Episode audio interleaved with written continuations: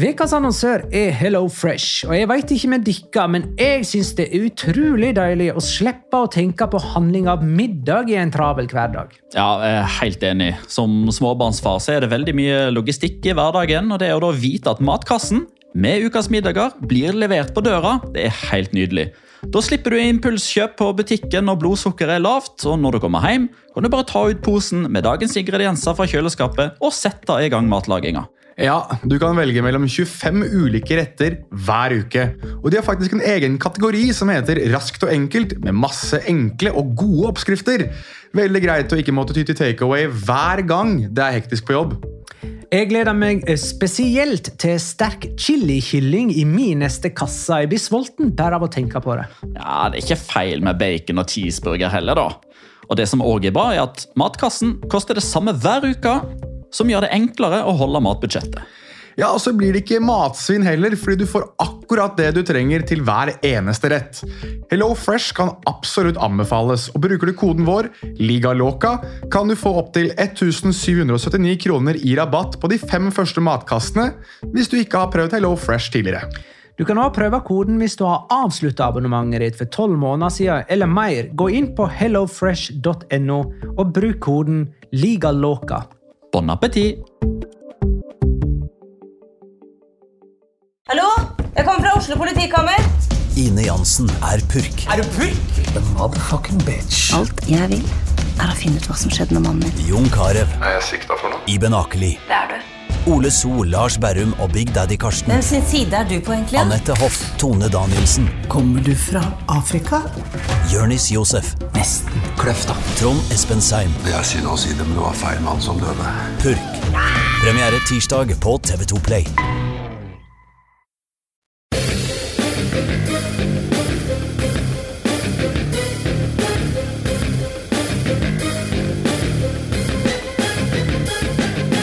Har du sett?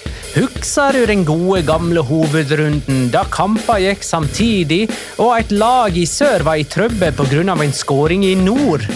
Den retrofølelsen ga La Liga oss i helga, med ni parallelle kamper søndag kveld. Og da alt var avgjort, var ingenting avgjort, og så var noe avgjort og noe helt åpent. La liga loca. En litt gærnere fotball. Ja, ja, ja, dette er La Liga Loca episode 208 av det ordinære, ja, faktisk det ordinære slaget med Jonas Giæver i Oslo sentrum, hei. Shalom in the home. Petter Veland i Oslo sentrum, hei. Hei, hei! Og Magnar Kvalvik i Oslo, i Oslo sentrum, hei. Halla, Magnar. Hei, Magnar. Åssen er det å ha oss på plass i studio igjen? Er det deilig? Eh, Nei, det føles ordinært. Hvordan var Spania? Mm, turen. Helt uordinært. Uh, nei, det var kjempegøy, det. Det var hektisk og moro. Og uh, uh, Altså, man, man er jo ikke vant med å reise i utlandet, da. Det er liksom det jeg fant ut. At det var, det var litt sånn rart å være i transit igjen. Det var liksom, når jeg så disse bildene av dere med munnbind, at jeg ikke var misunnelig lenger. Ja, det var heldigvis bare eh, de få gangene Eller det var egentlig ganske mange ganger. Det var ganske vi måtte ta eh, taxi og tog. For det, er bare, det er bare der det er obligatorisk eh, fortsatt der nede. Det er på offentlig transport og apotek. Så var det vel også et par, et par anledninger i noen sånne donuts-forretninger at jeg ikke kjente noen sånn sterk misunnelse. Du aner ikke hva du går glipp av, Magnar. Men eh, litt misunnelig eh, Jeg så bildet fra Elche stadion. Hjelp meg nå. Martinez Valero. Valero. Mm. Der har jeg aldri vært, og den er litt kul, eller ser ganske kul ut på TV og på bildet. Den er ganske kul, den, altså. Den Og så eh, ble vel faktisk Elche sikra mot Nerik med- i pausen av den kampen, Mm. til og med. Ja, Det var faktisk veldig, veldig veldig kult. Eh, For Vi hadde jo spekulert litt i det. Ja, altså, Elche kan sikre plassen hvis de tar poeng. og Så kom vi etter hvert til sånn Jo, men altså, Mallorca spiller jo rett før. eh, Så hvis de eh, ikke skulle vinne eh, Eller nei, hvis de, hvis de tok poeng, så var det liksom greit. Og så kom jo skåringsoppdateringene. Vi hørte jo et par, et par ja, sånn fire-fem rader eller noe sånt, som åpenbart hørte på radio. Eh, For midt i pausen da, så hørte vi plutselig sånn Oi!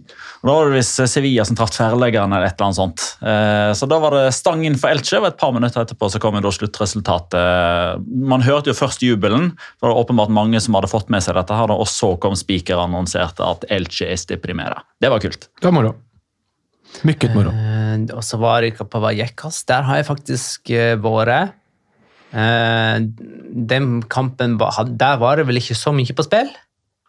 Det var først og fremst bare moro. Ja, Det var Viareal da som har lyst til å spille i Europa Ja. neste år. Men de har det- de var klare. De hadde tatt ferie. De hadde, de hadde virkelig tatt ferie. Corneal Prat, eller RCDE Stadium, var ikke på. Ja, der, var, der var det bra. ingenting. Nei, men Det var overraskende bra. Ja da. Ja, jeg har bare fått tatt stemninga for de som lurer på er det verdt å dra. Uh, Syns Cornea som sted Ikke dra dit, men dra gjerne på RCD Stadium. Men Mestalla, da? Der ville jeg ikke dratt uansett. Eh, eh, det er, der satt, eh, vi, satt jo midt i solsteika, som for så vidt er digg, det. Men det er jo når du sitter da litt sånn sild i tønne, eh, og den som satt til min høyre side var eh, en meget obskøn og frekk ung jente som oppførte seg som, eh, unnskyld uttrykket, det største hespetreet jeg har vært borti hele mitt liv, så er, er opplevelsen er ikke like gøy. Vi måtte dele oss på to der, og vi spurte veldig pent om, kunne, om resten kunne flytte seg to seter bort, slik at eh, jeg, Petter, Joakim og Magnus uh, kunne sitte sammen. Det nektet da denne veldig frekke og ekle jenta, og derfor så har hun kommet uh, på min hatliste. Det var i Valencia at Joaquin møtte Joaquin. Satt ikke der bare og venta på at Joaquin Sanchez skulle passere, og så huka ikke tak i han? Det, det kan jo kanskje fremstå sånn, eh, og det var sånn det endte. Eh, men det var ikke det som var planen. Eh, det som var planen her er jo at en journalistkollega av meg og Jonas, som vi kjenner som bor i Spania, han har jo kontakt der inne i alle leirer, han hadde snakka med Betis og klarert dette mer eller mindre på forhånd. Problemet er at pressesjefen i Betis har noen undersåtter, som igjen har noen undersåtter. Eh, og det var noen av undersåttene til undersåttene som var den ansvarlige på denne turen, som fikk lov til å være litt sjef inniblant. Og når han da får lov til å herske litt og være litt drittsekk, så er Juan eh, det. Eh, Så han ba oss om å komme til spillerhotellet som Betis var på, klokka halv tolv. Eh, og da skulle vi fikse dette greiene her. Det var liksom ikke måte på hva han skulle fikse. Det skulle bli innslag på Betis TV, og det, det, var, det var store lovnader. Og så kom vi dit kvart over elleve. Vi var litt tidlig ute, sånn i tilfelle. Eh, sender melding til han, og så tida går og tida går. og tida går. Plutselig så får vi beskjed om at de skal spise klokka ett, eh, så de kan kanskje komme ned etterpå. da. Um, og så går jo klokka, den blir to, den blir halv tre. Vi begynner å bli, sultne, litt irriterte. Uh, blodsukkeret begynner å bli, uh, bli lavt. Så vi sender han en melding igjen at uh, det, kompis, hva skjer? Uh, nei, altså de, de kommer til å gå forbi dere sånn rundt ti over fem når de skal til stadion, så bare, bare hugg tak i tak i han da, uh, var meldinga vi fikk.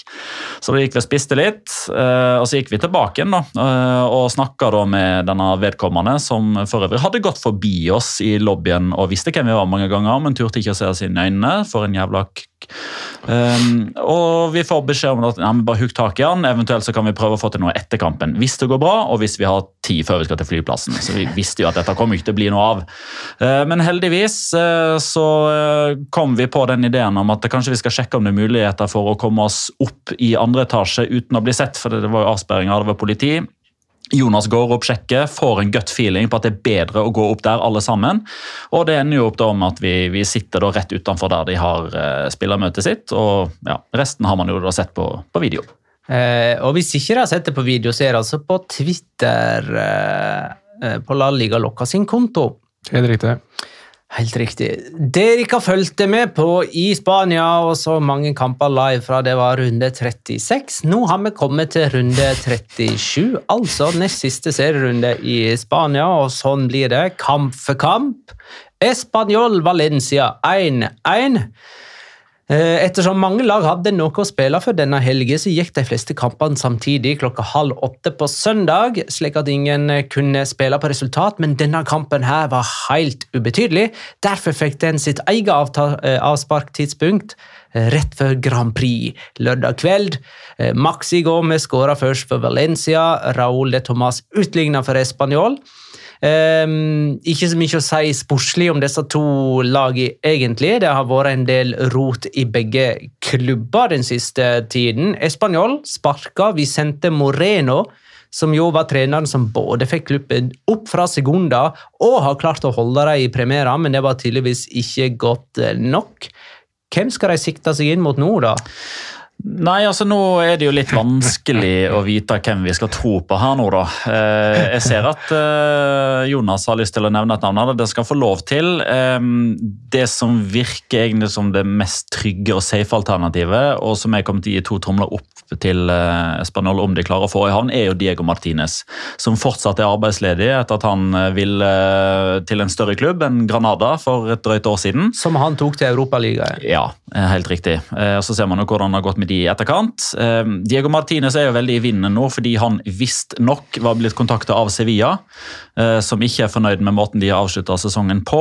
Og Så legger man jo merke til at Monchi hiver både Marca og José Felix Diaz under bussen og kjører den fram og rygger tilbake og kjører over han en gang til i et intervju etter kampen mot Atletico Madrid. Så vi får se litt hva som skjer der. Men hvis de får tak i Diego Martinez, tipp topp tommel opp. Og hvis de får tak i Jonas, Fabio Cannavaro. så er det òg tipp topp tommel opp. Profilmessig.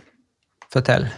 Nei, det er vel bare Fabrizio Romano som har uh, nevnt at Fabio Canavaro er et av navnene som står på lista til Español uh, som en mulig ny hovedtrener. Han har vel egentlig bare erfaring vel Cannavaro fra å trene i Kina, hvis ikke jeg tar helt feil. Jeg lurer på ikke han Skulle altså til å spørre hvordan i alle dager går det med 48 år gamle Fabio Canavaro? Han har trena Al-Ahli, eller Al-Ali om du vil. Så Mhm. er det han vært assistent der. da. Guangzhou i Kina. Hvilken annen kjent personlighet har vært der? Det er noe kjent med Goulet? Var det? Ja. Nei da, det er ikke, eh, ikke- Gregorio Manzano, kan han ha vært der? Er det der Ja. Oscar og de var? Oscar og Hulk og sånn var vel alle sammen i den klubben der. Ja. Lurer jeg på. Carlos Tevez husker jeg var, var, han var i Shanghai Shenhua. Han har vært to ganger trener for dem i Ja. to ulike perioder. Og så ser det jo faktisk ut som at han er kinesisk landslagstrener. Han har i hvert fall vært det. Om jeg, jeg vet ikke om han fremdeles er det. Lurer på om ikke det er en uh, kineser som har tatt over. De hadde jo en sånn derre Hvordan skal jeg forklare det? Altså, de hadde jo Alle pengene i kinesisk fotball ble plutselig fjerna. Uh, jeg lurer på om ikke Canavaro fikk sparken. jeg. Du, han var Kina-trener i en drøy måned. Ja, nettopp. I 2019. Sånn, sånn var det. Mm. Det var derfor det ikke slo no, sto noen sluttstrek. ikke sant? På, eh, når du ser på Wikipedia, så står det jo fra år og til år. ikke sant? Så det står bare 2019. Så det står bare 2019, så da ser det ut som han fortsatt er det. Ja, ikke sant. Det må være den største ydmykelse for både fotballspillere og trener, det at det ikke står noe mer enn bare et årstall, liksom. Ok, nei, men eh, det høres jo ut som at han har alle kvalifikasjoner på plass til å ta over Español. Ja, men tenk da at eh, det var Raúl de Tomàs som både skulle være redningen og eh, mannen som sørga for at uh, Vicente Moreno måtte gå. Altså, hadde det ikke vært for Raúl de Tomàs, så hadde jo Vicente Moreno fått fyken for lenge siden. For de, de poengene de har tatt, har jo nesten egenhendig Raúl de Tomàs skaffa de med sine skåringer. Men det er jo strupetaket på benken på Santiago Bernabeu som er, som er det avgjørende her. Ja, hva skjedde egentlig der? Det, det sies jo at Vicente Moreno ble fly forbanna over at Raúl de Tomàs shaka hands med Carlo Angelotti på vei av banen, på vei, på vei bort til eh, benken. Eh, og at det var noe man ikke skulle gjøre eh, akkurat der og da. Eh, typ Ta det når det ikke er kamera til stede, ta det når det ikke er så åpenbart at du ønsker deg tilbake til Real Madrid. Du er fortsatt under kontrakt med Spanjol. Eh, Og ta det etter kampen? og ta, ta det etter kampen, og kanskje eh, Edna Sad litt lenger etter kampslutt enn ti sekunder. Eh, men eh, åpenbart, altså det å ty til vold mot sin toppskårer på benken eh, så ikke bra ut. og sammen med den svake dynamikken som er ute på banen, så, ble det dråpen for Vicente. Eh, jeg sa at det var en del rot i begge klubber. Det har jo vært det kjedsommelig lenge hos Valencia. da. Jørn Henland skriver hva er deres tanker om lydklippet fra Valencia-møtet som har blitt lekka, og klubbens måte å håndtere det på? Jonas? Nei, altså um, Skal vi ta det nå, eller skal vi ta det etterpå? Altså, det jo, dette her er jo mye. Det er veldig mye. Skal vi ta det etterpå, da? Det er kanskje best. Vi sparer Valencia-rotet til etterpå. Celta Vigo Elche 1-0. Hvorfor gikk denne kampen samtidig med de andre kampene? Det virka som det var ingenting å spille for i denne kampen her heller. Det, er, det var en ekstremt syltynn teori som gjorde at Elche sine 39 eller 40 poeng kunne gjøre at det var Mallorca i stedet for Cádiz som rykka ned hvis tre eller fire lag havna på samme poengsum. Men Elche ville uansett ha klart seg. Men det Ah. kunne ha spilt inn. Det ble altså 1-0 til Celta Vigo i denne kampen. Dennis Suárez matchvinner i sin siste ka- heimekamp for, eh, for Vigo-klubben, etter alle solemerker. Eller er det til og med bekrefta? Ja, Det er vel ikke bekrefta, bekrefta, men det er vel det man forventer etter at han har en åpen feide med Celta-eier Mourinho. Riktig. Elche har tapt tre strake kamper, og i denne perioden så har de sikra seg fornya primærkontrakt. Men det er verdt å ta med. De, er, skal spille sin tredje sesong på rad nå, og ifølge I Primera, ja. I Primera, ja. Snakket med Erik Koren før eh, sending her, og han sa at det er første gang siden 70-tallet at det skjer. Ja. Så det her er eh, Christian Beragarnik har tydeligvis eh, Ja, det er vel ikke så langt unna statue utenfor, statu, eller utenfor stadion der. Og der, og der er det plass. Der er det plass til statuer og er vannfontener og uh, leikeland. og der, der er det plass til mye, altså. Der har du mye plass. Hvis du har lyst til å investere i noe land, så kan du bare velge området rundt Martinez Hvis du har lyst til å kjøpe en stadion som du kan bygge ut og bygge ut og bygge ut og bygge ut, og bygge ut, så kjøper du den. Det vil si at det må jo være ei gullgruve for uh, oljesjeiker i Saudi-Arabia og Qatar å kjøpe seg inn der, da. Ja, altså, men Problemet er bare det at det allerede er en argentinsk mafioso som eier klubben. Så. Ja, og Problemet er vel at de, det kommer jo ikke mer enn 25 000 på kamp uansett hvor stor stadion er. Så- Jo, jo, men det er jo i Valencia-regionen, dette her. Overraskende langt unna Valencia, da. Det er det. Hvis du kjøper denne klubben og eh, noen heite spillere, så går det fint. Sånn som Barganic, Barganic forsøkte jo med Javier Pastore. da. Jeg skulle akkurat si, tenker du sånn som Javier Pastore for eksempel, og Dario Benedetto. små.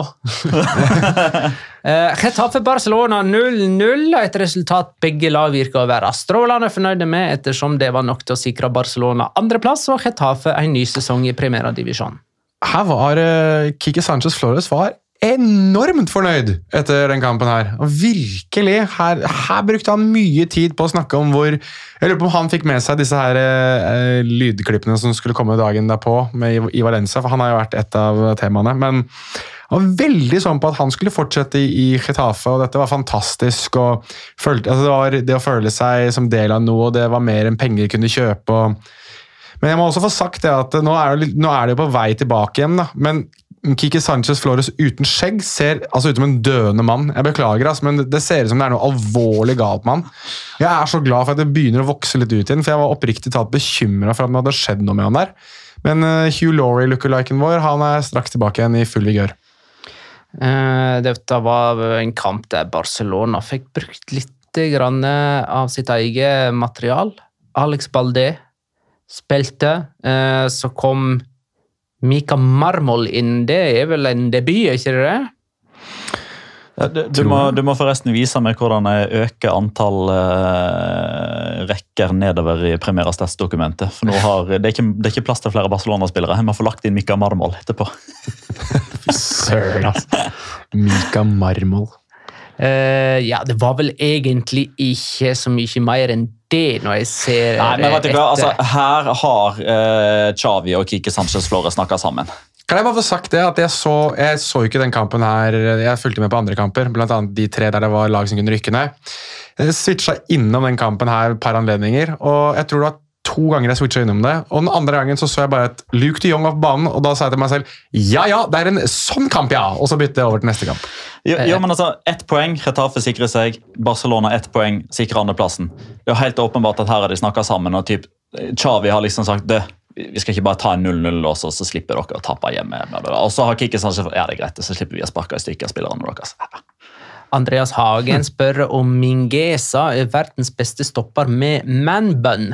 Og det var vel det mest spennende jeg klarte å trekke ut av denne kampen, faktisk. Sergio Ramos har vel hatt manbun? Ja, Ja, men er han verdens beste stopper med manbun? Jeg tenker at han der, Hva heter han for noe igjen? Han som spiller i, han som spiller i Sandefjord, er det, er det Quint Jansen han heter? Ja, Nederlenderen. Han kan ikke være så langt unna. Å nei, eh, Vito Wormgård i Start. Start, ja. Han er jo sterk man-bun, sterk eh, spiller. Ja. Eh, Jeg vil faktisk rangere han foran Oscar Mingesa. Ja. Men da er han ute av podiet da, hvis Sergio Ramos fortsatt har mennbønn. Ikke så oppdatert på Sergio Ramos akkurat i 16. mai-tider. Eh, vi går videre. Atletic Klubb Osasona 2-0. Eh, Atletic kjemper for Europacupspill neste sesong og har fremdeles muligheten til det etter at Berenger og Via Libre sikra de seier her med sine skåringer. De var dog avhengige av hjelp fra Real Sociedad i denne runden for å holde liv i konferansehåpet sitt, og den hjelpen den fikk de. Eh, Via Real Real Sociedad 1 2 på La Ceramica. Her leder Villarreal etter en lekker skåring av Coquelin, men så snudde Real Sociedad kampen med mål av Isak og Subimendi. Det var også et resultat som sikra Real Sociedad europaligaspill nok en gang. De blir nummer fem eller nummer seks, mens Villarreal er poenget framfor Atletic i kampen om en europeisk konferanseturné neste sesong. Jeg kom til å tenke på det på veien hit. Hadde ikke det nettopp for de to klubbene, Atletic og Villarreal, vært perfekt med konferanseliga? Siden de ikke har stor nok stall til å liksom kon eh, konkurrere på to fronter, men har kjempegode akademi som eh, får mulighet til å vokse med konferanseturné. Ja, altså jeg forstår hvor du vil hen, men så ser jeg jo liksom eh, finaleheatene i Europa League og Conference League denne sesongen, og så er jeg nei, men ikke sikker hva, hva for en turnering som er. Altså I begynnelsen så er det helt åpenbart at de er et gruppespill på, eh, på Ja. høsten der. Så er det fine muligheter for rotasjon, men det skal det jo per definisjon være i Europa League. Det kan godt hende at jeg er litt for høy og mørk her nå, men eh, Altså det, er- det jeg tenker er Fordelen med Conference League kontra Europa League er jo muligheten til å sette et trofé i skapet man aldri før har vunnet. Det er eneste gang eneste gang jeg som Viardal-supporter kan si noe sånt. For Europa League er det eneste vi, de Ja. faktisk har vunnet. Oi, vi faktisk har Nei, ja. jeg korrigerte meg til de. Ja, ja, ja, ja. Jeg skulle til å si Villarreal, men jeg sa de i stedet. Vi, sa du. Vi. Um, kom, altså, via Real i Europaligaen. Det samme med Atletic klubb òg i Europaligaen. Har tradisjoner for å kjøre egentlig med sine, mest, eh, ja, sine viktigste spillere hver bidige torsdag. Ja. Så eh, om de nå fikk konferanseligaen, så tenker jeg at da, da må de nå vel bruke akademiet sitt i større monn. Eller så er kanskje det aller aller beste å bare ikke spille i Europa. Og bare kjøre toppalag hver helg. Eh, I kampen om denne sjuendeplassen, som altså gir Conference League, eh, så har vi areal alltid i egne hender, men de møter jo Barcelona på kamp nå. Det er vel favorittstadion til Una Emeri? det ikke Eh, det? ja. men, men skal de noen gang, skal de noen gang eh, klare å vinne der et Unai Emery-lag, så er det jo mot et Barcelona-lag som eh, i dag vel fikk tre dager fri av Xavi. Så de kommer jo eh, godt rustne tilbake igjen på torsdag og skal spille denne kjempeviktige kampen. Opium. Opium. Atletic klubb møter jo Sevilla på Ramón Sánchez Pijuan, så det har jo en liten utfordring, eh, de òg. Alt dette blir avgjort fra klokka 22 søndag kveld. Gleder meg til å reise til enten eh, Aker stadion eller SR Bank Arena. Jeg ser Villarreal. Det blir gøy, det. Eh, ja, eller til Bodø, da? De tror jeg ikke skal spille Conference League til høsten. Tror ikke du det? Nei, de styrer inn i Europa League. Nei. De ryker ut av den ene playoffen etter den, eller kvalikrunden etter den andre og tar en ny heidundrende eh, Ok, greit. Hvis det blir Aspmyra, så skal jeg fortsatt reise. Det er helt greit. Atletico Madrid Sevilla 1-1. Eh, Jimenez ga Atletico 1-0 før pause. Enesiri dukka plutselig opp og utligna for Sevilla fem minutter før full tid. Og det var nok til at Sevilla sikra Champions League-spill neste sesong. Har litt lyst til å trekke fram denne kampen seinere. Mhm. Real Betis Granada 2-0. Eh, To mål av Juanmi for Betis, som eh, lenge trodde at de skulle kunne kjempe om en Champions League-plass i siste serierunde, men det var altså før Enesiri utligna for Sevilla på Wanda Metropolitano. Hadde Sevilla tapt der, så hadde Betis hatt en teoretisk sjanse på Champions League-plassen, men nå er alt håp ute. De blir nummer fem eller seks, kjemper om med Real Sociedad om eh, femteplass, da. Eh, Granada-fansen her på Via Marin trodde lenge at de var sikra primæraspill neste sesong, tross tap her. Men det er de ikke, fordi det skjedde dramatiske ting på overtid i en annen kamp. Mallorca Rayo Vallecano 2-1. Eh, Ja, det var her det skjedde, det, dramatiske på overtid. Fin bru. Eh, Her var det nemlig 1-1 inntil Abdon Prats ga Mallorca et seiersmål på overtid. og Det førte Mallorca over nedrykksstreken, A-poeng med Cádiz, som altså nå er nummer 18. Eh, Det er jo pga. innbyrdes da, at Cádiz ligger under streken. Og I tillegg så sørga altså Mallorca for, med denne skåringen, at Granada heller ikke er sikra premierespill neste sesong. Dramatisk. Cádiz de spilte 1-1 mot seriemester Real Madrid, eh, der Mariano Diaz ga Hæ? Hæ? Mariano Diaz, er det jeg har sagt. Måtte vente til neste serierunde, men selvfølgelig. Der var han. Der var han. Tapp inn. Allerede i det femte minutt. En tap-in etter et vanvittig raid av Rodrigo, som skulle nesten ha fått eh, det målet. Jeg må få sagt det. Altså, det er to spillere i dagens Real Madrid-tropp som har båret drakt nummer syv. Det er Mariano Diaz og det er Eden Hazard. Hvem har flest mål for Real Madrid denne sesongen? Jeg sier ikke mer! Han har vel nesten spilt mer òg, Mariano Diaz. Ja, men det er det jeg sier. Mariano Diaz, få det på! Eh, Ruben Sobrino utligna uh, for Cádiz her før pause, og etter pause så bomma Alvaro Negredo på straffe. Eh, og derfor er Cádiz under streken. De hadde òg noen sånne Spinnville sjanser. kanonadesjanser på slutten til å vinne denne kampen. Ja, sånn, sånn går det når Florin Donne blir sittende på benken for lenge. Ja. Eh, Levante Alaves 3-1. Her var det to lag som ga hverandre en riktig så god klem og hoppet direkte ned til Segunda sammen. ass. Levante rykka jo ned i løpet av midtveka, eh, da de tapte 6-0 på Santiago Bernabeu. Og så tok de Alaves med seg i dragsuget denne helgen. De rykka ikke ned, Magnar. De rykka ned noe helt, helt jævlig. Altså, de, skulle, de skulle rykke ned så inn i helvete når de først skulle rykke ned. Levante. Ja, når, når det først ble avgjort, så var det på en måte ikke med flagget til topps, selv om de liksom hadde eh, lagt ned en bra innsats i løpet av eh, vårsesongen, da, sånn totalt sett. Ja. Eh, Alaves måtte vinne denne kampen her, og leda faktisk 1-0 etter mål av Joselu, José Lu, selvfølgelig. Men Oscar Duarte, Roger Marti og José Luis Morales snudde kampen for heimelaget. Alaves har vært oppe i seks strake sesonger. Det er deres lengste sammenhengende rekke i Primera, men nå er de altså et Segunda-lag. Segunda-lag. Jens Olav Strand spør jeg, hvor glad er Jonas og Petter for at Alaves har rykka ned?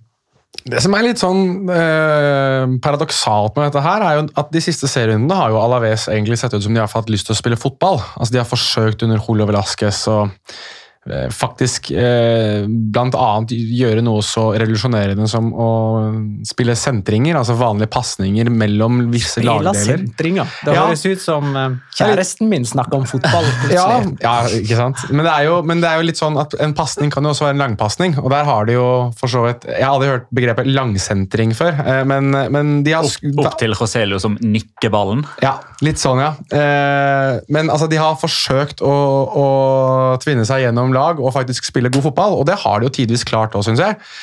Så jeg håper jo for deres del at uh, Velasquez ikke bare blir tilbudt ny kontrakt, eller at han er med ned, men at han også har lyst til å være med ned. Uh, Alaves og kanskje jobbe de opp igjen til neste sesong, men Jeg tipper han tok jobben vel vitende om at det var en sjanse for at det ble ble nedrykk. ja, man vet jo aldri. Det kan jo fort være at han skulle være redningsmann nummer hva da? Er det tre for Alaves denne sesongen i så fall, hvis det var det han fikk i arbeid som? Uh, men, men nei, jeg syns det er greit. Jeg. Sånn sett over ett så har de vært pissræva, møkk dårlig, dritkjedelig og fullstendig ræva og hører ikke til på øverste nivå i spansk fotball. og eh, hva er det begrepet? Er det en ensom svale gjør ingen sommer, eller noe sånt? Og det er vel litt sånn eh, Jeg har hørt uttrykket, men jeg vet ikke om det betyr noe som Nei, det betyr at de har hatt en liten eh, Det har sett litt bedre ut, og så har det egentlig vært dritt sånn generelt. Det, Ja, Skal vi snakke litt om nedrykksstrid, eller? Ja, men altså, bare altså, det, det er to lag som har rykka ned nå, og det er, jo, det er jo på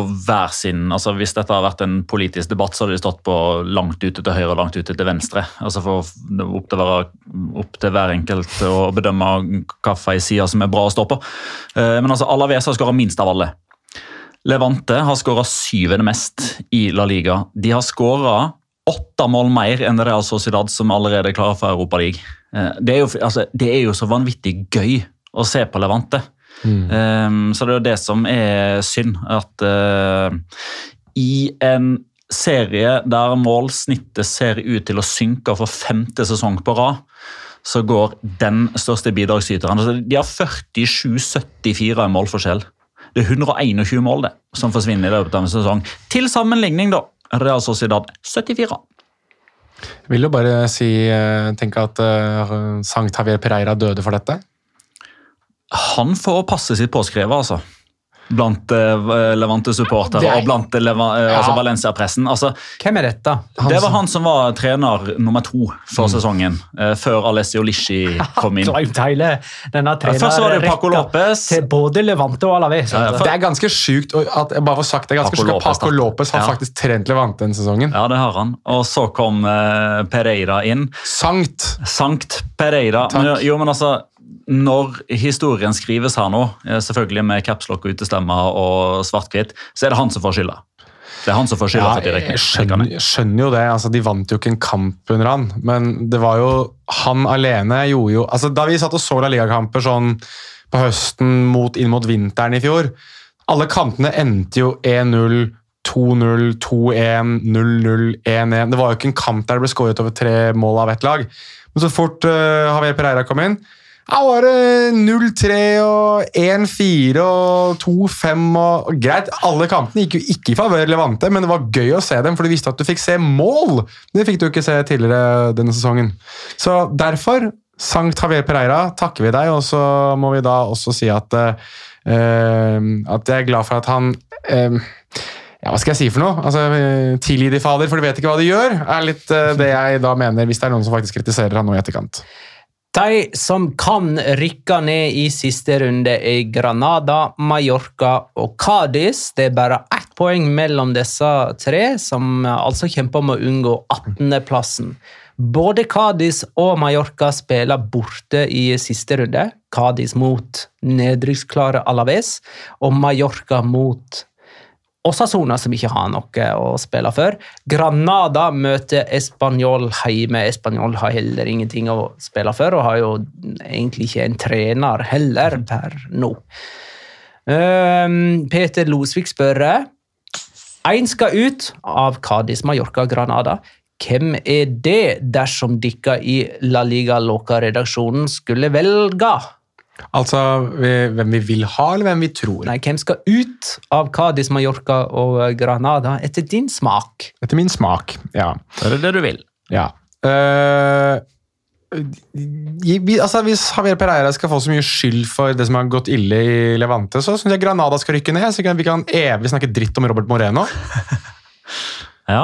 Så da går jeg for dem. Jeg vil, men jeg tenker at av de tre, så Jeg er litt ferdig med Kadis, jeg, kjenner jeg. Jeg er litt ferdig med dem nå. Det var kjempegøy, og så var, var det veldig synd at den sesongen de rykka opp, så var den sesongen da det ikke var noen supportere. At man ikke fikk liksom det virkelig den der feststemninga og det karnevalet som man skulle få. Og så har det liksom vært litt sånn eh, Denne sesongen her med Alvaro Cervera, og så har man nå fått inn da Sergio som har fått dem til å spille bedre. Men jeg er litt ferdig med Cádiz, kjenner jeg. Men jeg tror, de, men jeg tror de av de tre kampene som Magnar var inne på her nå, jeg tror det er de som har størst forutsetning for å vinne. Altså, jeg er, jo litt, jeg er jo ferdig med å jobbe med spansk fotball, så når jeg ser på de tre lagene, så tenker jeg feriemuligheter. Hva kan man kombinere det med?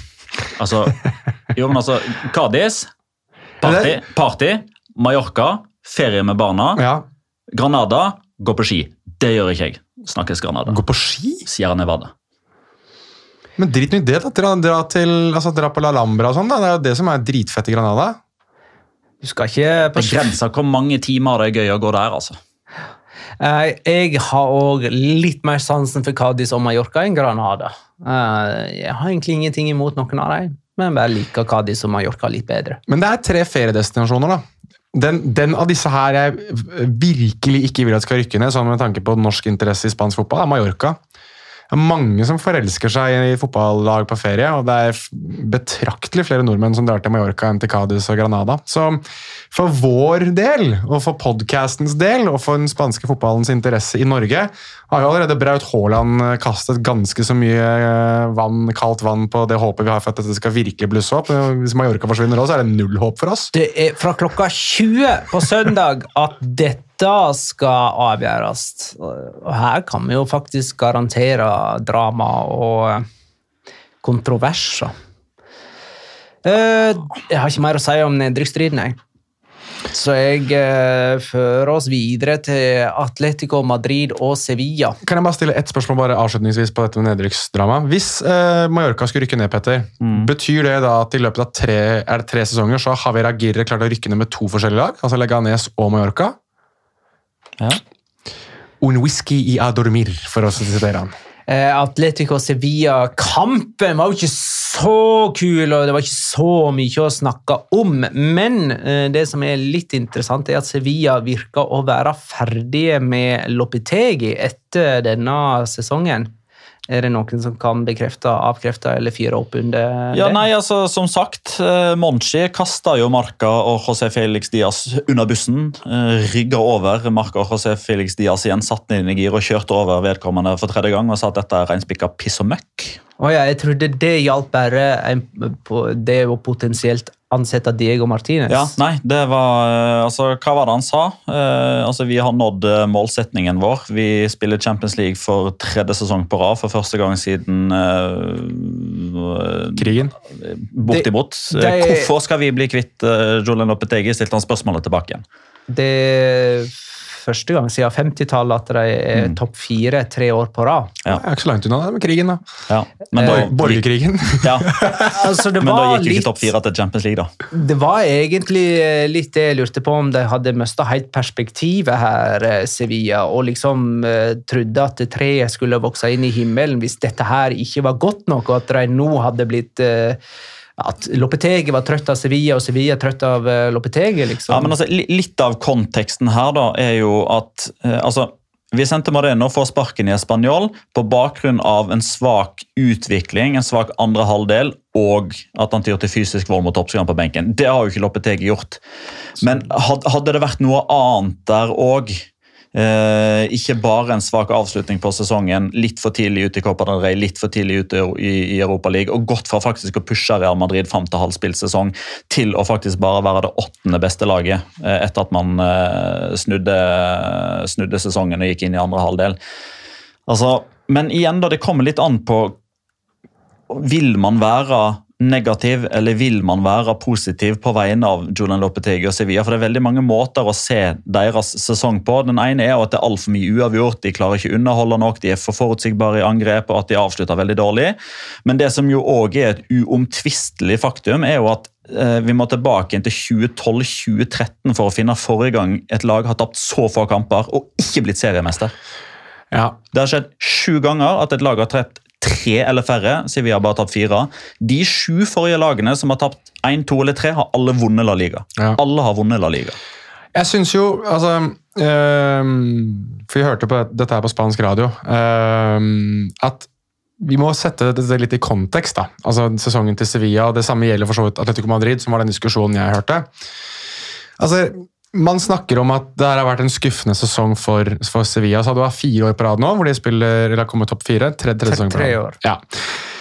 Man snakket jo om, om eh, i forbindelse med Atletico Madrid at det å komme kun til Champions League er en skuffende sesong for Atletico Madrid. Og Det synes jeg er litt som, det er kanskje det største komplimentet du kan gi dem, egentlig. at det er jo en klubb som nå, da ti år på rad, spiller Champions League. Det er en klubb som var litt sånn jojo-ish på tabellen, som kunne godt ende litt langt ned. De var og spilte Europaliga kontinuerlig og sparket trenere litt sånn hipp som haps og egentlig ikke hadde noen kontinuitet. Sevilla på sin side har jo vært en klubb som har skiftet ut veldig mye av spillertroppen sin, og, og kanskje ikke vært like hyppige hele Ja, ok, la meg korrigere meg selv. De har vært ganske hyppige på trenerfronten, de òg, men kanskje ikke fullt så hyppige som man skulle ha trodd. Men de har tre år på rad i Champions League, de har klart å bygge en stamme i laget, og de ser ut til å ha en form for kontinuitet som de ikke har hatt før. Likevel så snakker vi om at det er en skuffende sesong, og jeg har jo selv sittet og i ikke dette studio, men i gullstudio og satt og snakket om at dette var året de virkelig skulle gå for seriegull. Det er jo det, det største komplimentet vi kan gi disse to lagene her. Dette er jo to klubber som altså, har vært bak Deportivo la Coruña i sin tid, som har vært bak Valencia i sin tid, og som har vært litt sånn opp og ned mellom det å spille i den nest gjeveste europeiske turneringen og en og annen gang oppe og liksom luktet på, på Champions League. Nå er begge lagene der oppe hele tiden. Nå må vi snart gå fra å snakke om vi har gått fra å snakke om de to store, Real Madrid og Barcelona, til at Atletico Madrid har dyttet seg selv inn. Og jeg begynner å lure på om vi nå er vi en sesong eller to fra at Sevilla må inn der, hvis de fortsetter med det her, da, for å være der sammen med de tre. Og Da går vi fra tre store til fire store, og det er en ny hverdag for enhver spansk fotballaficionado. Ja, Men det blir jo fire store der den ene ikke har reelle sjanser til å vinne. Bare sånn at jeg får født inn den. Eh, Sevilla er aldri noen tittelkandidat. Men, men, har men, nå- men nå er det jo tredje sesongen på rad at det er de som er topp fire. Ja, ja, ja. Eh, vet du når, eh, altså det er tredje sesongen på rad at eh, du har de samme fire så- på topp fire. Mm. Uh, og det har skjedd en gang før. Uh, vet ikke når det var, eller? De samme tre på topp fire? Samme, samme fire fire, lag på topp fire. Ja. Tre år på rad. Nei, dere vet ikke det. Tidlig 2000-tallet, kanskje? Nei, det var 1950-tallet. Og da var det òg Real Madrid, Barcelona Atletic. og Sevilla og Atletic Klubb. Aha. Ikke Atletico. All right. Atletisk. Uh, Sevilla har kvalifisert seg for spill til den gjeveste europacupen, altså serievinnercupen og Champions League, bare ti ganger i løpet av sin historie. Det er sykt, ass. Ni av de ti gangene har kommet i løpet av de siste 15 årene. Det er også sykt. Mm. Og Atletico Madrid har vel 17 eller 18, og det inkluderer de siste ti som alle er med Simione. Mm. Tan Eh, tankene går tilbake igjen. Var det 99-2000-sesongen? Sevilla, Atletico og Betis rykka ned. Det var tida, det. Fantastisk nedrykksår. Ehm, på Wanda Metropolitano så tok heimefansen avskjed med Luis Suárez. Eh, David Sundell, Sundell skriver elska av Atletico-fansen etter kun to år fra en frykta og mislik, eh, mislikt motstander til legende. Det føles nesten litt sånn. Ja, ja altså, jeg syns uh, Atletico Madrid-fansen som var på Wanda Metropoli, oppsummerte det helt fantastisk jeg, med bannere som de holdt opp. Takk for at du gjorde oss til mestere. Han gjorde det. For forrige sesong så var det nærmest altså, ja, Litt Oblak bak der òg, men det var Suárez som skåra alle de målene som de trengte for å bli seriemester. Det var jo The Louis Suárez Revenge Tour, egentlig. Altså, det det var var jo han som bare skulle vise at han ikke var avskilta og ferdig. Og denne sesongen her så har han egentlig vært avskilta og ferdig. Eh, endelig. Jeg har snakket om dette siden 2017. Endelig var Luis, Luis Suárez ferdig på toppnivå. Det kom nå.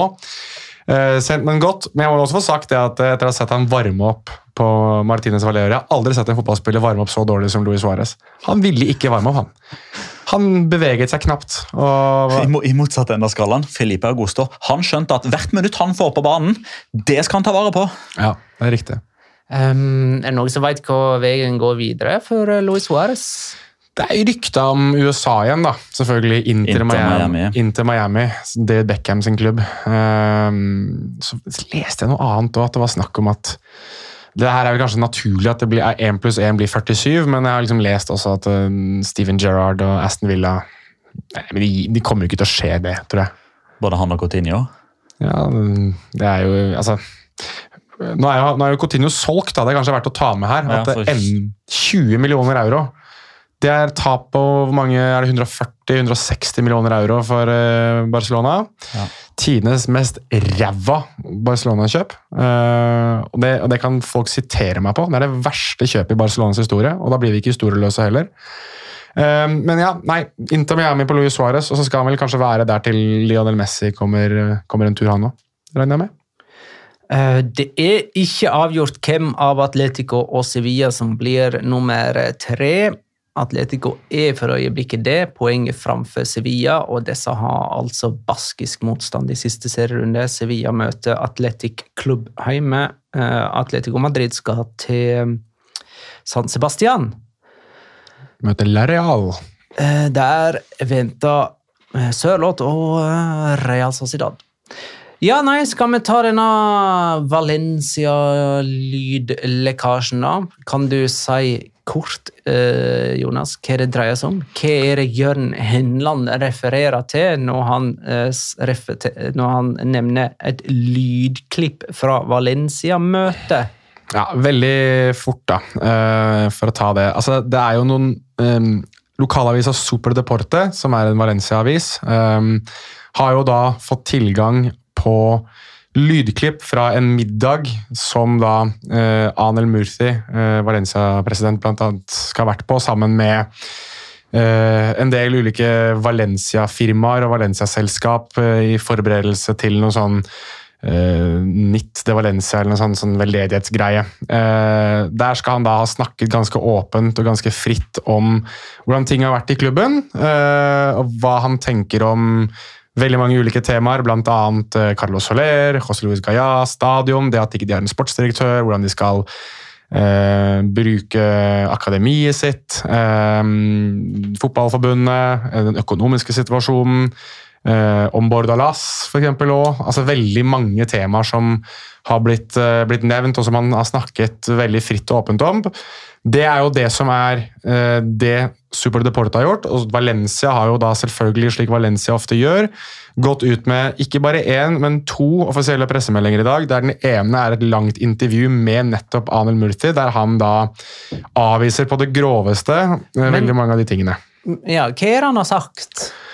Ja, nei, Hvor skal vi starte hen? Eh, det Carlos Soler. Carlos Soler har han jo Skal vi bare få opp den artikkelen her, bare så er jeg ikke bomme på noe. Uh, skal vi se Den ligger Det er så mange. Altså, det, er, det, er, det, er, et enormt hvelv av artikler inne på siden til, um, til Super Deporte her nå, og nå har de også fått uh, bygget opp med um, med dette her eh, famøse intervjuet som André Murti har gjort. Ja, nei, altså Med Carlos Soler så har det da vært at eh, eh, Han er vel på utgående kontrakt neste sesong, tror jeg. Eh, jeg har ikke fått sjekket helt opp i det, men i alle fall det har vært uh, Anel Multi har jo da truet Carlos Soler og sagt at hvis du går gratis i vinter, altså hvis du signerer for en klubb gratis da neste vinter, så skal han drepe han i pressen. Uh, Rett og slett uh, ha en svertekampanje mot uh, Carlos Soler. Dersom Carlos Soler hva skal man si, presignerer for en klubb allerede i januar 2023, når han liksom kan eh, gjøre en avtale eh, siden han har utgående kontrakt. For å sitere han ordrett her da, i denne videoen. Dersom du går gratis i januar, så skal jeg drepe deg i hele pressen. Jeg kommer til å legge 100 000 euro på bordet. Uh, man må få inn penger, altså du må generere penger. Du har vokst opp i akademiet, og klubben har investert mye penger i deg. Men eh, var Carlos Soler på dette møtet? Snakka han til han i andre person? Nei, han da refererte tilbake til en samtale som oh, ja. han har sagt da, med, som han har hatt med Carlos Soler. Sa ikke han noe om uh, kaptein Gaia òg? Jo, med Gaia så var det jo da snakk om at han uh, Dette her er jo uh, enda en av spillerne som han da Han er veldig åpen om at Valencia må selge, og brukte bl.a. også Villarreal som et eksempel på dette. At han hadde snakket med da Villarreal-president eier Fernando Roche, som hadde sagt det samme om eh, om Villarreal, at ettersom de ikke skal inn i Champions League nå, så må de da mest sannsynlig selge spillere, fordi at eh, lønnsnivået går deretter. Valencia er jo en klubb som ikke spiller i Europa i det hele tatt, og derfor så er det såpass ille, ille stilt. Eh, Med Gaia så var han jo forholdsvis noe mer, mer grei, at han sa at eh, igjen, jeg siterer nå, etter, etter uh, at de tapte finalen mot uh, Real Betis, og det at de ikke skal inn i Europa, så har Gaia vært litt uh, KO, altså han har vært litt paff, er liksom uh, det Murti har sagt. Men han har vært en bra leder, uh, og leder laget bra eh, inn mot sesongslutt. Og så snakker han jo da om at eh, Gaia er glad i klubben, og at eh, de må respektere eh, ambisjonene til spillerne. At de har lyst til å spille, spille på landslag og spille for et lag i Champions League.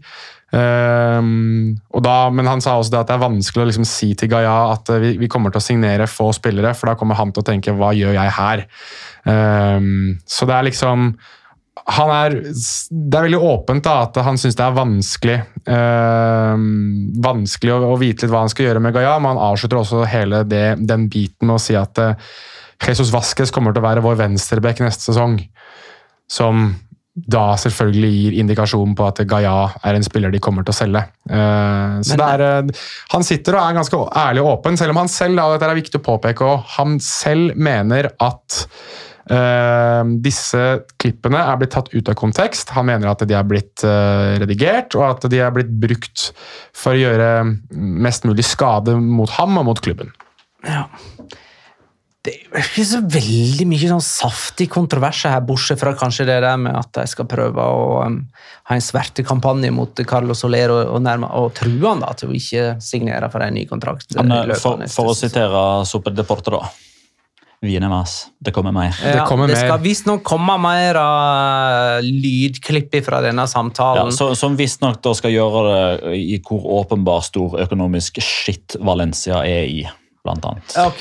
Ja, og så Ja, så vi, vi, vi får se fram eh, Eller får vente på større kontroverser. Han har jo også sagt, da, det, det, er- Jeg mener jo dette her er for så vidt ganske kontroversielt. Han har jo også sagt at eh, Kike Sanchez Flores ønsker å signere for Valencia igjen, at han ønsker å returnere. Og da I et annet klipp så har han også sagt at eh, Bordalas er en veldig komplisert eh, figur.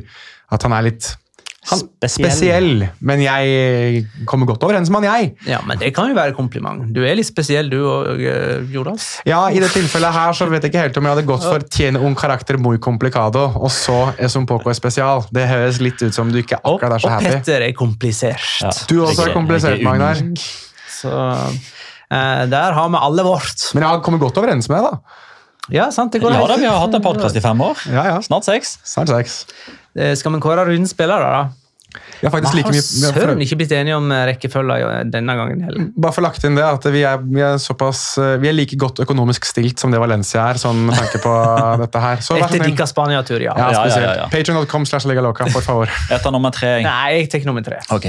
Uh, jeg eh, tar nummer tre, okay. uh, og det er Abdon Prats. Eh, og jeg, tenkte, jeg tar altså nummer tre siden det virker litt dust å nominere en spiller som bare spilte et drøyt kvarter denne runden, men han får nominasjonen min av tre grunner. Én, han skåra på overtid og sendte Mallorca over streken. Det var kanskje rundens viktigste skåring. To, han har den kuleste barten i Spania, og det med ganske god margin. Og tre, måten han feirer skåringen på, der han er i ferd med å rive av seg trøya, men kommer på i farten at han har fire gule kort og må sone karantene i siste serierunde dersom han fullfører. Og så klarer han altså å hoppe av i svingen, for å si det sånn. Oi, lord. Eh, da kan du bli nummer to, da. Eller din, Ja. Petter. Um, og skal vi bare kjøre en liten sånn der eh, spørsmålsrunde. Veldig kjapt, eh, kort og greit. Uh, hvem er førstekeeperen til Levante? Aitor Fernandes? Han, han starta sesongen som førstekeeper. Jeg skal inn på Cardenas, da. Ja. Uh, hvem er andrekeeperen keeperen til det er da Levante? Aitor Fernandes, da? Ja, uh, så, så begynner det å bli for spesielt interessert. Hvem er tredje tredjekeeperen til Levante? Nå veit jeg hvem du skal fram til, men han er sikkert fjerdekeeper, han da? Hvem er tredjekeeper i Levante? Er det Alex Primo? Nei. Det er KK Vegas som er langtidsskada. Hvem er fjerdekeeper i Levante? Er det Alex Primo? Det er Pablo Conjat. Eh, men eh, Levante sitt B-lag spilte kamp for å eh, overleve i Tercera divisjon, eller gamle Tercera divisjon, så han måtte spille der. Segunda B. Hvem er sjettekeeper i Levante? Prøv Primo nå, da. Er det Alex Primo?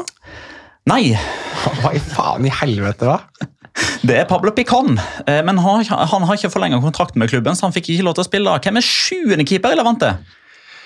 Er det Alex Primo? Det er Alex Primo som eh, tidlig på formiddagen eh, søndag 15. mai fikk beskjed om at nei, du skal ikke sitte på benken for juniorlaget i ettermiddag. Du skal debutere i La Liga fordi Dani Cardenas han testa positivt på koronatest, mens Aito Fernandes hadde vondt i magen og måtte på sykehus. Og så spilte han en god kamp, da. Han redda siden- ett av de to skuddene. Nei, det var bare for å få lov til å fortelle den historien her. okay, Han var ikke noe god. Den, for å si det sånn, da. Han spiller ikke La Liga igjen, sånn som Ansu Fati. For Han kommer aldri til å se han igjen. Oi, oi, oi. Oi, oi, oi. Det blir spennende. Tenk- tenk når han spiller. Han er 17 år gammel, Ja, Alex. Primo. Ja, ja. Eh, Da han, VM-gull med Spania i 2032. han hadde 34. én god redning, det hadde han. Han, han redda ett av de to skuddene. José sin eh, kunne han ha tatt. Det, det var ikke Han var ikke stor da han slapp inn, nei. Det var Nei. ikke han. Er det, blir det, er det sånn um, vi har jo Det der må jeg skrive ned. Alex Primo Ja. spiller aldri La Liga igjen. ja, for jeg skulle til å si det. Vi hadde jo nylig, vi hadde nylig en sånn der vi gikk gjennom hvem som spiller for Spania i VM 2032. Ja. Nei, 2028, sorry. Eh, 20, 26. 2026, ja. Takk skal du ha. Og Da er det vel Alex Primo da som står i mål. Nei, det er i 2034. 34? Ja. Skal du så langt fram i tid, altså? Ja. ja vel, ok. Den som lever, får se. Uh, Rund spiller da, Jonas. Ja, nei, Jeg er litt sånn overraska over at det ble han, men, men det er jo for så vidt Det blir vel sikkert siste gang, uh, siste gang vi kan utnevne kommandante Morales til, til rundens spiller. Han scora, her for Levante idet han uh, tuppa Alaves ned til Segunda. og Det er jo egentlig grunn nok alene det for min del, at uh, han sender Alaves ned til å bli rundens spiller, og egentlig også sesongens spiller. Men, uh, men jeg synes det som gjør at jeg uh, nominerer han til det, er nummer én det at han Det ble jo ikke noen rundens spiller for så vidt sist serierunde, men det at han sto og han var, han var så utrøstelig etter at de rykket ned på Santiago Bernabeu. Så utrøstelig at Venicius Junior kom og ga han en klem. Og når han da skåret det siste målet her for Levante på Ciudad Valencia mot Alaves, så, så passet han også på å unnskylde seg til, eh, til Levante-publikummet for at de rykket ned. Jeg, jeg vet ikke, det er, men det er et eller annet ektefølt med kommandante Morales som jeg virkelig setter pris på. Eh, For jeg tror han kunne ha spilt for mye bedre klubber enn Levante. Kanskje han også gjør det til neste sesong. Jeg tipper han blir med ned. Ja, jeg blir ikke overrasket hvis han gjør det, men jeg blir heller ikke overrasket hvis han drar. Men jeg syns uansett at um, dette er vel fjerde gangen jeg tror jeg har han på runden spiller uh, på veldig kort tid, så dette her er bare å nyte. Det virker som alle tre målskårerne til Levante beklagde. Ja, men Oscar Duarte tror jeg beklaget seg, for han har vel spilt i Alaves? Nei. Hvem er det som har spilt i Alaves da? Det er en Duarte som har spilt i Alaves. Ruben spiller fortsatt for Alaves. Han, Han, ja. han unnskyldte seg sikkert, han òg. Ja, Det var mange som unnskyldte seg der, men uh, det, det lurte jeg på først. At det var en Duarte som hadde scora for Og da var jeg sånn Er det ja, ok. Da, da fikk vi comeback til Cuellar-gate. Da er det tid for Locora! Ukens La Liga Locura. Locura. Locura. La Liga Locura. Kan jeg ta min, min først? Ja. Er, jeg har selvfølgelig ikke forberedt noe Lecora, for så dum er jeg. Um, jeg jeg syns det var uh, Mens jeg er inne på dette med folk som beklager seg, litt sånn em emosjoner og sånn Det å se Luis Suárez virkelig knekke sammen på benken for Atletico Madrid da han ble bytta ut, og høre Atletico Madrid-publikummet hylle ham, det syns jeg var et, eh, et nydelig øyeblikk. Jeg syns jo Luis Suárez eh, egentlig er, virker som en Tidvis som en veldig emosjonell type, og tidvis som en ekstremt uspiselig fyr. Uh, her syns jeg jo at det var litt sånn søtt at han faktisk ble tatt av stundens alvor. For en mann som har opplevd så mye som det han, han har opplevd. Så det får bli min locora, det at Luis Suárez faktisk satt alene på benken og gråt. Det synes jeg det er et sånt øyeblikk som jeg kommer til å huske fra denne sesongen. Husker du Iker, Iker Casillas satt jo òg alene og gråt, men det var på en sånn egenhendig pressekonferanse. Jeg skulle akkurat til å si det, det var vel, Og så skulle han ut bakveien på Santiago Bernabeu Ja, etterpå. stemmer det. Eh, jeg tar noe, jeg, hvis det er greit, Magna. Ja. Ehm, og vi skal til Cádiz, eh, Real Madrid, eh, til noe som skjedde før kampen. Eh, For det har jo vært enormt mye oppstyr i Spania nå med dette begrepet pasio, altså æresvakt. Som Atletico Madrid og ikke ville stå for Real Madrid, for de mener nå, når det er de som må stå æresvakt mot Real Madrid, så er det ting som kun er til for å skape latterliggjøring og splid og uh, hat og elsk osv. Men uh, Cádiz de stilte seg opp. Um, og jeg kommer tilbake til Cádiz, for det var ikke bare Cádiz som stilte seg opp. Det gjorde Mateo Lahos òg. Han òg sto og, og Real Madrid inn. Og dette hadde jo selvfølgelig Cristobal Soria, vår kjære Cristobal Soria fra El Chiringuito lagt merke til, og la jo da ut dette bildet med Mateo Lahos som står og applauderer Real Madrid sine spillere, som nok et bevis da eh, på denne eh, kampanjen og, eh, at alle i forbundet og alle i La Liga elsker Real Madrid. Og Dette blir jo tatt opp litt senere i programmet. da, Så er det da en, en annen paneldeltaker som tar fram telefonen sin og viser bilde av hva som skjedde da Mateo Lahos dømte Copa del Rey-finalen mellom mellom Real Betis og eh, Nei, han, dømte kampen som, eh, som Real Betis spilte mot Barcelona. Eh, Theola Hoss sto og applauderte Real Betis inn, for de hadde jo da nettopp vunnet Copa del Rey. eh, Så da forsvant jo det poenget der. Men det som er ekstra spesielt med selve æresvakten, og det er aller første gang, sannsynligvis siste gang det skjer òg, kaptein for Real Madrid, Nacho Fernandes, kaptein for Cádiz, som står og applauderer inn, Alex Fernandes. De to er brødre. Det er jævlig kult. Eh, ja, og de hadde vel De eh, hadde coin toss og sånne ting. Ja, det. det var jo mm. Koselig. Um, Det hadde de kanskje tidligere på dagen òg, når de satt og spiste familielunsj. Coin toss? jeg Uh, jeg tar min. Locora nå. Vi har fått eh, et spørsmål fra Endre Tengren. Er Colosseum Alfonso Perez La Ligas mest destruktive stadion? Fryktelig grasmatte og et heimelag som sjelden ønsker å spille fotball. De tre siste heimekampene til Getafe har endt 0-0.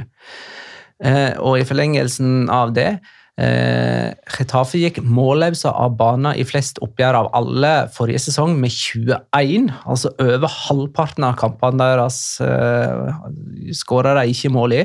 Og de har gått målløse av banen flest ganger denne sesongen, med 18. Eh, Så hvis de går målløse og av banen mot Elche til helga, så har de for andre sesongen på rad hatt halvparten pluss eh, med målløse kamper. 39 kamper uten skåring på de to siste sesongene totalt for Getafe, som altså år etter år klarer å holde seg i La Liga. Vet du hva som er rart med det, Magnar? Egentlig, er jo det at din kan jeg kalle han forelskelse denne sesongen her, Enes Onal, er jo på sjetteplass på toppskårerlista for Getafe med 15 mål. Det er ganske sykt. Det som også, Jeg sitter og tenker over det nå, jeg skal ikke si det at det er 100% sikkert, men jeg tror faktisk Coliseum Afonso Perez er den stadionet jeg har vært på flest ganger i Spania. Og Rayo Vallecano sin er på nummer to. Mm. Ja. Eh, der er din Nei, du har vært først. du. Jeg var først, jeg, med Du, min da, da er det egentlig tippekamp, da. Den var ikke så veldig, var ikke så veldig merkbar, den jeg hadde. altså. Den har jeg glemt. Nei, det, Det var Louis Suárez. Louis Suárez som gråt. Mm. Eh, forrige tippekamp var Atletico Sevilla, som endte 1-1 med Jimenez som første målskårer. Jeg hadde 2-1 med Carrasco som første målskårer. Eh, det gir meg null poeng. Jonas hadde 1-1 med Ticatito som første målskårer. Det gir tre poeng. Og Petter hadde 1-0 med Mateos Cunha som første målskårer, og det gir null poeng. Totalt da, og nå kan jeg bare minne om at eh, det er fem poeng igjen å spille om i denne interne tippekonkurransen. Totalt har jeg 32, og jeg har, dermed vunnet fordi at Jonas på andreplass har 25. Men eh, det kan bli poengtrekk i etterkant da? Kan ikke det? Nei, Nei, det kan ikke det. kan det ikke. Og jeg tror det er tredje året på rad at jeg vinner. Jonas har altså 25, Petter har 21. Så du må ta en må ha fempoenger nå. Du må ha en fempoenger, mens Jonas ikke skal ta noen poeng i neste oh, pressure. Og dermed så har jeg prøvd å velge en så åpen kamp som mulig. Har du tatt Retafe Elche? ikke- Ja, altså det kunne Elche- Valencia Celta? Det blir Elche Getafe i så fall, siden Elche er hjemme. Men det, ja, der har du to lag som ikke har noen ting å spille for. Du veit ikke hvilket lag de kommer til å stille med fordi at eh, de er ferdig med sesongen. Eh, og ja, det er Valencia, Celta, Vigo. Valencia Celta, ok. Eh, lørdag klokka 17.30. Det er faktisk en kamp som faktisk kan bidra til at Valencia blir nummer 12. For hvis de taper, og Rayo vinner sin kamp mot allerede nedrykksklare Levante, da blir Valencia nummer 12. Hvis ett av lagene enten vinner eller taper med to mål. Altså Det må, det må skille eh, ett mål på målforskjellene, for fordi innbyrdes er likt. Og hvis du ser det, hvis du lukker det ene øyet og vrir huet til venstre og rister litt grann på er det, det er veldig mange ting som skal gå riktig her for at det skjer. Synes jeg. Nei, egentlig veldig Det kan godt hende at jeg bare forklarte det jævla dårlig. Rayo må vinne, Valencia må tape, og forskjellen på eh, seier og tap må være mer enn én. Ja, sånn, ja. ja da ga det mer mening. Takk. Ja. det er altså Valencia, Celta, Vigo. Jeg sier 1-2 og Iago Aspas som første målskårer. Mm. Det her er Jonas. Nei, Det er jo siste serierunde, da. Og da mener jeg jo at det er siste gangen denne sesongen. Da blir det altså 0-0 garantert! Ingen målskårer. Og det som gjør at uh, unge Veland leapfrogger Jonas Giæver, og at uh, Magnar uh, tar en enda mer eh, sikker førsteplass, det er jo at Jago Asper skårer det første målet, men de vinner 2-0. 0-2, altså.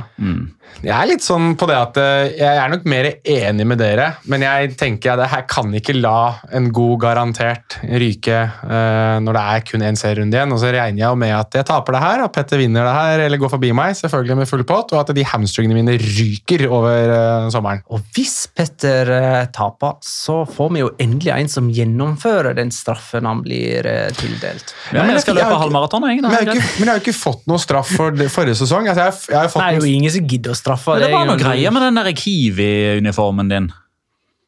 Den har jeg ikke funnet. Jeg har sett etter den. Det, oh, Det gikk ikke, gitt. Nei, men jeg har den ikke. Men jeg har, Nei, det er ikke Jonas sin feil. jeg har den ikke. Jeg har den ikke! Hva vil jeg skal gjøre? Skal jeg møte i russebukse istedenfor det? Den har jeg. Hvis noen av lytterne våre jobber for Kiwi, you know what to do. Hvis, ja, men vet du hva? Ok, Det er helt greit. Hvis noen jobber et sted der de har uniform som er heslig, så skal jeg gjøre et eller annet. Jeg vet ikke om jeg skal møte Jeg kan, jeg, jeg kan sitte på ball. Jeg, vi kan møtes på ball og se en match sammen neste sesong. Eller se, er Champions League-finalen skal vi se et annet sted. Men et eller annet sted kan jeg se en match med noen der jeg sitter i et heslig ko kostyme eller en uniform. Det er helt greit. Eh, Følg oss på Patrion for uh, småpreng. Og, Har du noen smågrån? og eh, ja, er det med Discord? Jo, ja, men det er, det er greit å ta. Patrion.com slash legaloka. 100 kroner gir deg tilgang, eh, permanent tilgang for øvrig, til, eh, til Discord. 50 kroner gir deg jo så å si absolutt alt annet. Og så har du 150 og 250, som er litt ekstra. Mest for å vise din kjærlighet til uavhengig spansk fotball. Eh, Da er vi tilbake med ordinær episode neste mandag. Eh, Takk for at du lytta, kjære lytter. Ha det, da.